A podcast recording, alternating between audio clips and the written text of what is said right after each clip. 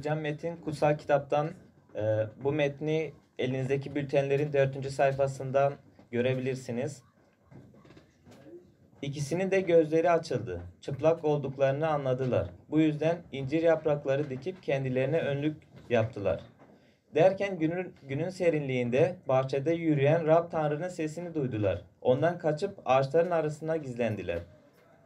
Rab Tanrı Adem'e neredesin diye seslendi. Adem bahçede sesini duyunca korktum çünkü çıplaktım. Bu yüzden gizlendim dedi. Rab Tanrı çıplak olduğunu sana kim söyledi diye sordu. Sana meyvesini yeme dediğim ağaçtan mı yedin? Adem yanıma koyduğun kadın ağacın meyvesini bana verdi. Ben de yedim diye yanıtladı.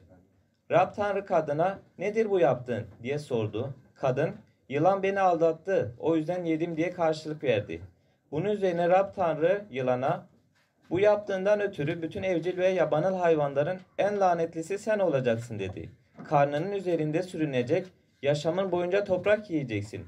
Seninle kadını, onun soyuyla senin soyunu birbirinize düşman edeceğim. Onun soyu senin başını ezecek. Sen onun topuğuna saldıracaksın. Rab Tanrı kadına, çocuk doğururken sana çok acı çektireceğim dedi. Ağrı çekerek doğum yapacaksın. Kocana istek duyacaksın. Seni o yönetecek. Rab Tanrı Adem'e karının sözünü dinlediğin ve sana meyvesini yeme dediğim ağaçtan yediğin için toprak senin yüzünden lanetlendi dedi. Yaşamın boyu emek vermeden yiyecek bulamayacaksın. Toprak sana diken ve çalı verecek. Yaban otu yiyeceksin. Toprağa dönünceye dek ekmeğini alın teri dökerek kazanacaksın. Çünkü topraksın, topraktan yaratıldın. Ve yine toprağa döneceksin.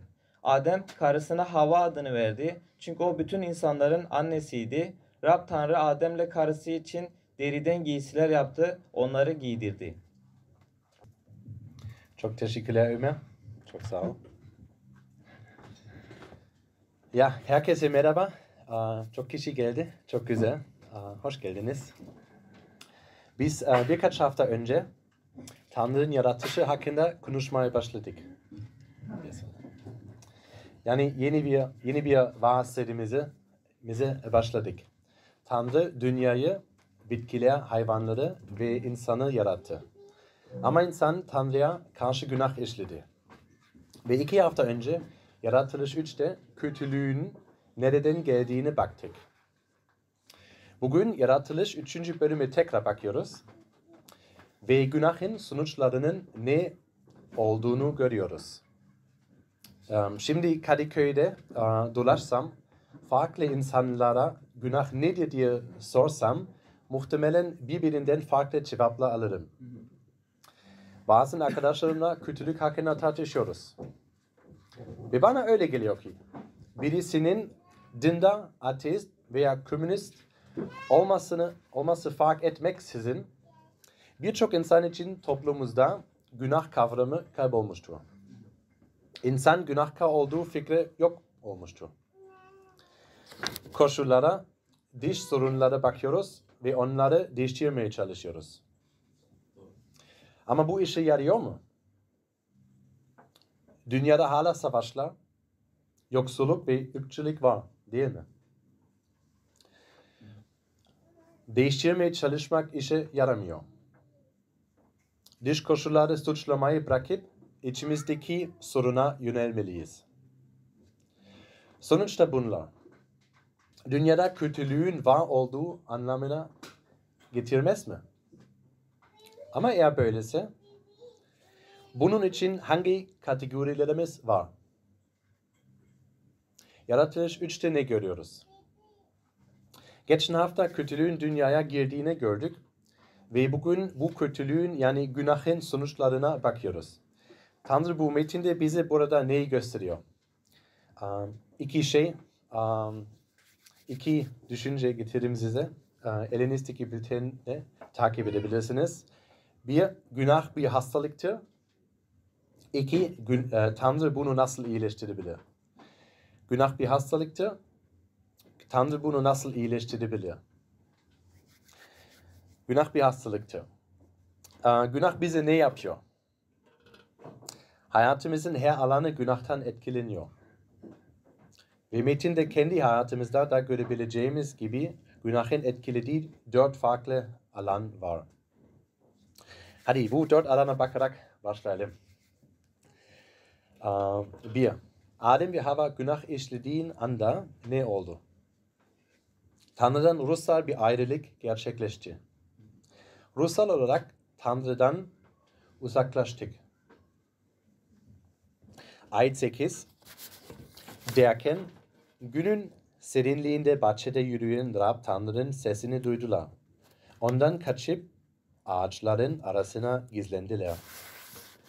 Onlar Tanrı'yı duyup ondan saklandılar. Kutsal kitapta insanların Tanrı'ya yaklaştığı ve o anlarda verdikleri tepki, te, tepkilerin her zaman derin bir korku olduğu başka hikayeler ve e, ayetler var. Tanrı'ya yakın olduğun zaman korkarsın. Mesela İşaya 6 5. ayet Tanrı'ya yaklaştığında vay başıma mahvoldum dedim. Çünkü dudukları kirli bir adamın, dudukları kirli bir halkın arasında yaşıyorum. Buna kar, e, karşın kralı, her şeye egemen Rabbi gösterimle gördüm. Tanrı kutsal bir tanrıdır. Tanrı öyle kutsal bir tanrıdır ki onun yanına bizler günahımız yüzünden mahvoluruz. Peki ya sen? Tanrı'dan hiç korkmadıysan, aklında yanlış bir Tanrı kavramı olabilir mi? Dünyayı yaratan Tanrı, kutsal kitabın Tanrısı, o kadar kutsal ve güçlüdür ki, günahımız dolayı onun yanında duramayız. Tanrı isteğin gibi hayal etmeye hakkın var mı? Tanrı hayır diyor. Tanrı seni yarattı ve neyin doğru, neyin yanlış olduğunu sana söylüyor. Bu nasıl hissettiriyor? Bununla nefret ediyoruz, değil mi? Hayatımda birkaç örnek var. Ben de yaşadım, galiba herkes yaşadı. Ama bu bir gerçek. Ruhsal olarak Tanrı'dan uzaktayız. Bu bir. İkinciden e, Tanrı'dan ruhsal olarak uzaklaşmaya, uzaklaşma psikolojik problemlere yol açıyor. Yol açıyor. Adem ve Hava'nın gözleri açıldı ve çıplak olduklarını anladılar. Ayet 7'de Adem ve Hava'nın çıplak olduklarını ve utandıklarını okuyoruz. Bu yaratılış 2 25'te duyduğumuzun tam tersidir. O ayette der ki Adem ve karısı da çıplaktılar. Henüz utanç nedir bilmiyorlardı. Ancak Hava ve Adem'in günaha düştükten sonra hayatlarında bir değişiklik oldu. Onların artık utançla tanıştıklarını görüyoruz. Metin burada bize ne anlatıyor? İnsan günah işlediği anda onları içten ve köken, kökten değiştiren derin bir psikolojik rahatsızlık, rahatsızlık yaşadı. İnsanın ruhunda derin bir değişiklik. Onların kalbinin ortasında. Tanrı'nın kim olduğunu unuttuğunda kendi kimliğini de unutuyorsun. Kimliğimizin bizi yaratan Tanrı'da köklenmemesi, onunla beraber büyümemesi, kendi kimliğimizi kaybetmek demektir. Ve bu güvensizlik, korku ve endişeye yol açıyor ve kesinlikle bizi etkiliyor. Neden böyle durduk? Kutsal kitap çok net bir şekilde doğan herkese, herkesin iyi olmadığını söylüyor. Demek ki bir iç sorun var. Bu günahın sonucudur. Ailelerde neden kafkalar çıkıyor? Aile mi sebep? Hayır. Ama günah aile içinde de çalışıyor. Gurur, utanç ya da suçluluk bizi incitiyor. Bunların hepsi günahtan kaynaklanıyor.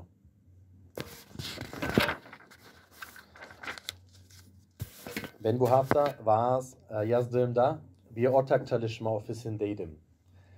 Um, Jason ile çalıştım. Ve o günde uh, bazen oraya gelen bir kedi vardı. Ama o sadece yerde sakin kalmakla kalmadı. Aynı zamanda masalara da zıpladı. E, biz huzur içinde çal- çalışabilmek için e, onu onda, e, odadan sürekli çıkardık. Sonra bir kadın geldi, içeri girdi ve kedi orada, odadan çıkardığımız görünce o sadece bir kedi, onu rahat bırakın dedi. Orada çalışanlardan biri ona cevap verdi ve- durumu ona anlattı. Ancak hem anlayışlı olmak hem de gerçekçi bir şekilde konuşmak yerine konuşma duygusal bir hale geldi. Özellikle adam saldırıya uğradı- uğradığını hissetti. Ve kadına şöyle dedi. Ben yalancı mıyım? Belki gururunun veya e, onurunun saldırıya e, uğradığını hissetti.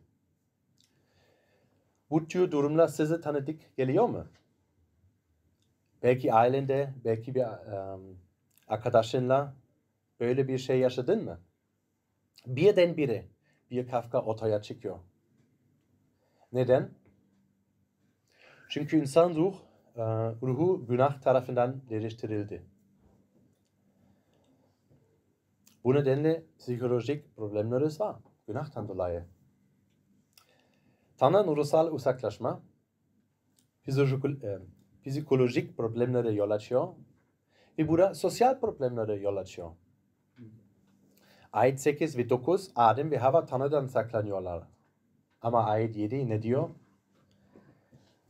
İkisinin de gözleri açıldı. Çıplak olduklarını anladılar. Bu yüzden incir yaprakları dikip kendilerine önlük yaptılar. Birbirinden saklanmaya başladılar. Ve burada kutsal kitapta bulunan önemli bir prensip var. Prensip var. Tüm kopmuş ilişkilerimiz, e, tüm kopmuş e, ilişkilerimizin sebebinin ne olduğunu bize gösteren bir prensip.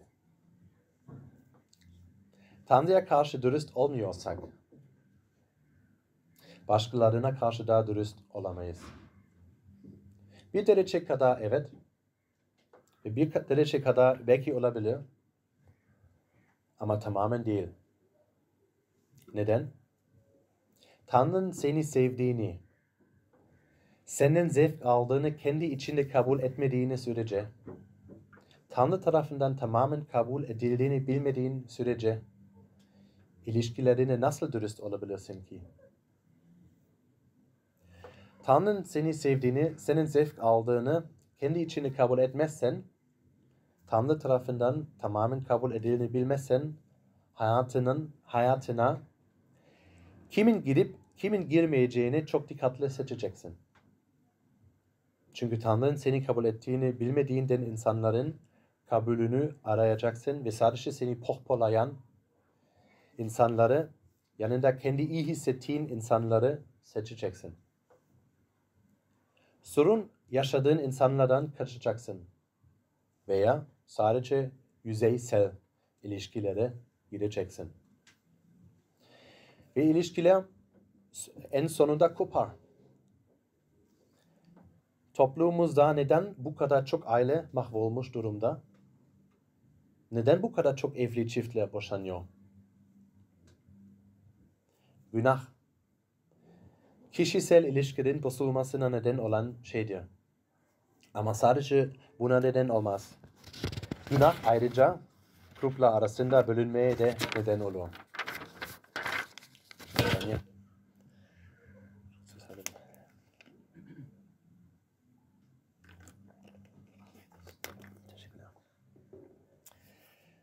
Tanrı Adem'e geliyor ve ne yaptığını ne yaptın diye soruyor. Tanrı Adem'in bağışlanma dilemesi, dilemesini istiyor. Adem yanlış yaptığını söyleyebilirdi. Ama Adem burada ne yapıyor? Ayet 12. Sanki Adem, Tanrım, kadınların nasıl olduğunu biliyorsun, diyor. Bakın ayet 12'ye, senin bana verdiğin kadın. Adem'den gördüğümüz cevap tanıdık geliyor mu? Kendimizi haklı çıkarmak için ne yapıyoruz? Karşı cinsiyete bakıyoruz. Diğer gruplara bakıyoruz. Ve diğer ırklara ve başka kültürlere bakıyoruz. Ve ben böyle değilim diyoruz. Irkçılık, sınıfçılık ve cinsiyetçilik sadece günahın kendisi değil. Aynı zamanda Tanrı'nın lütfunu reddetti. Tanrı'nın lütfuna güvenmiyoruz. Günahın sonuçları Tanrı'dan ruhsal uzaklaşma, psi- psikolojik, psikolojik problemlere yol açıyor ve bu da sosyal problemlere yol açıyor. Ama bir sonuç daha var. Günahın sonuçlarından biri de fizikseldir. Yine metne bakalım. Ben ayet 16, 17, 18, 19 birkaç ayet, birkaç e, yer okuyorum. Tanrı kadına hamile kaldığında sana çok sıkıntı vereceğim. Küçüklü çocuk doğuracaksın. On- 17. Adam'a dedi, Tala senin uğrunda lanetli olsun dedi. Hayatın boyunca soluklara ondan besleneceksin. 18. Sizin için dikenle ve deve dikeni taşıyacak ve kür otunu yiyeceksin. 19. Alındığın toprağa dönene kadar alının teriyle ekmeğini yiyeceksin. Çünkü sen tozsun ve toza döneceksin. Tanrı'dan gelen görevimiz nedir? Yeryüzüne egemen olmak. Adem ve Hava günah işledikten sonra bunu tersine çeviriyor. Donma, sıcaklık, hastalıklar veya doğal afetler nereden geliyor? Artık doğayla eskisi gibi dengede değiliz. Doğayla olan bağlarımız koptu. İnsanın doğduğu toprak ona sanki bir düşman oldu. İş terli bir iş haline geldi. İş meslek yük oldu. Bir zamanlar hayvan ve bitki dünyası üzerinde otorite sahip olan şey bir güç mücadelesine, mücadelesine dönüştü. Yemek için çok çalışmak gerekiyor. Acı bu çarpık dünyanın bir parçası oldu. Bugün vaaz metni vaaz etmem ne büyük tesadüf değil mi? Um, Karim Jenna um, bayağı hamile ve bebek her saniye, her dakika, her anda gelebilir. Um, ve Jenna acı içinde olacak. Bunu kesin. Bu günahın bir sonucudur. Hastalıklar var, acı, açlık var. Yine ırkçılık, e, cinsiyetçilik, şiddet, suç, savaş var. Sos, e, onlar sosyal problemleri. Öfke, acıma, korku ve kimlik eksikliği, psikolojik problemler. Her şey Tanrı'dan saklanmaktan geliyor. Artık Tanrı ile yaşamayız. Bunu anlarsak hayatımız üzerinde büyük bir etkisi olacak. Diğer dinler veya dünya görüşleri dünyada neyin yanlış olduğuna dair daha basit bir görüşe sahiptir. Politika, psikoloji, felsefe. Kutsal kitap dışında tüm dünya görüşleri sorunun kökenini bir acıdan bulmaya çalışıyor. Mesela vücut suçlu ama zihin iyi. Platon. Sosyal sorunları, e, sorunlar suçlanıyor. Mesela Fransız devriminde. Diğer insanlar kötüdür. Bu faşizm. Dış koşullara insanları şek e, şekillendiriyor. Örneğin aile suçludur. Bu psikoloji, psiki, zor bir kelime. Aa, psikolojik. Teşekkürler. Kutsal kitabın bu şeyler hakkında ki görüşü kapsamlıdır. Beden, sosyal, psikolojik ve ruhsal durumu iyi ama düşük. Günah hastalıktır. Günah sorun, e, sorundur. Ve kutsal kitap sadece insanın kurtarıcı olabileceğini söylüyor. Bu pratik anlamda ne anlama geliyor? O zaman birlikte ikinci noktaya bakalım. Birinci noktaya bayağı uzundu. Ama bu nedenle sadece iki e, düşünce var.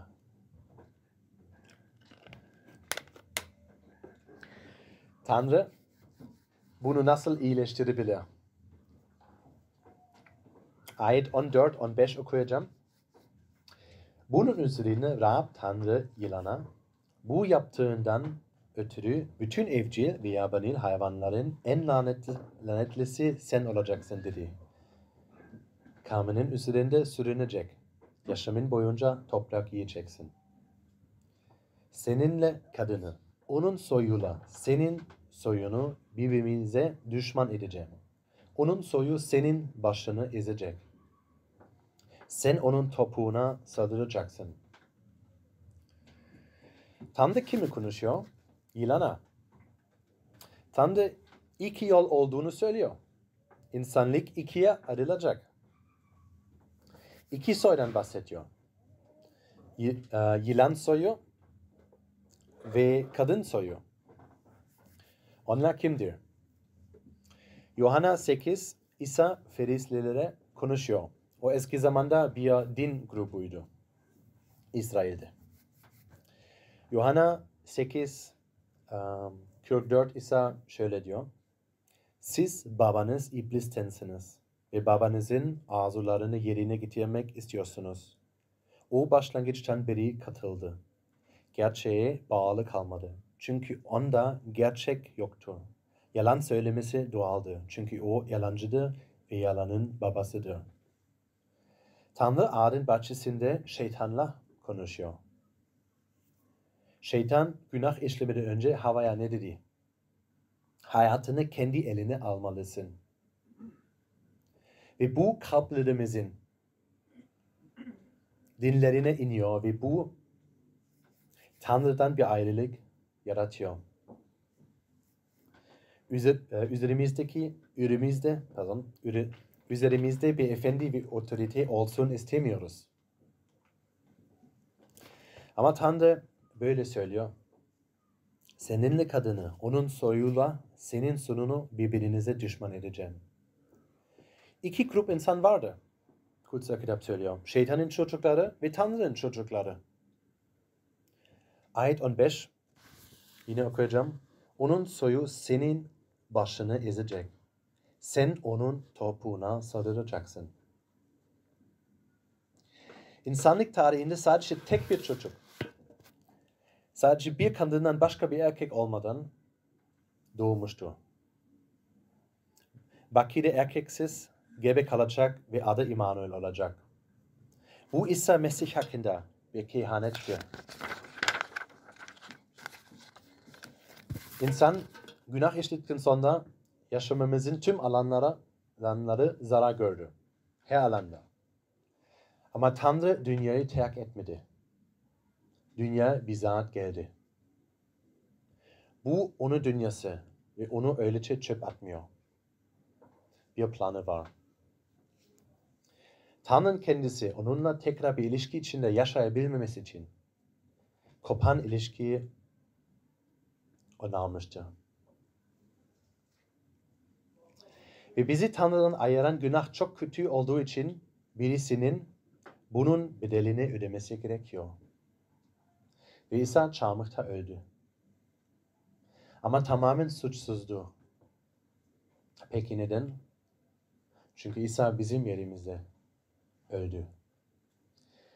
Bizim ruhsal olduğu, e, biz ruhta yoksul olduğumuzu, günahkar olduğumuzu, kendi gücümüzle, Tanrı'yla bir ilişkiye yaşamadığımızı ve İsa Mesih'in bizim yerimizi çarmıhta öldüğünü ka- kabul etmemiz gerekiyor. Sadece o zaman Tanrı bizim günahlarımızı bağışlıyor.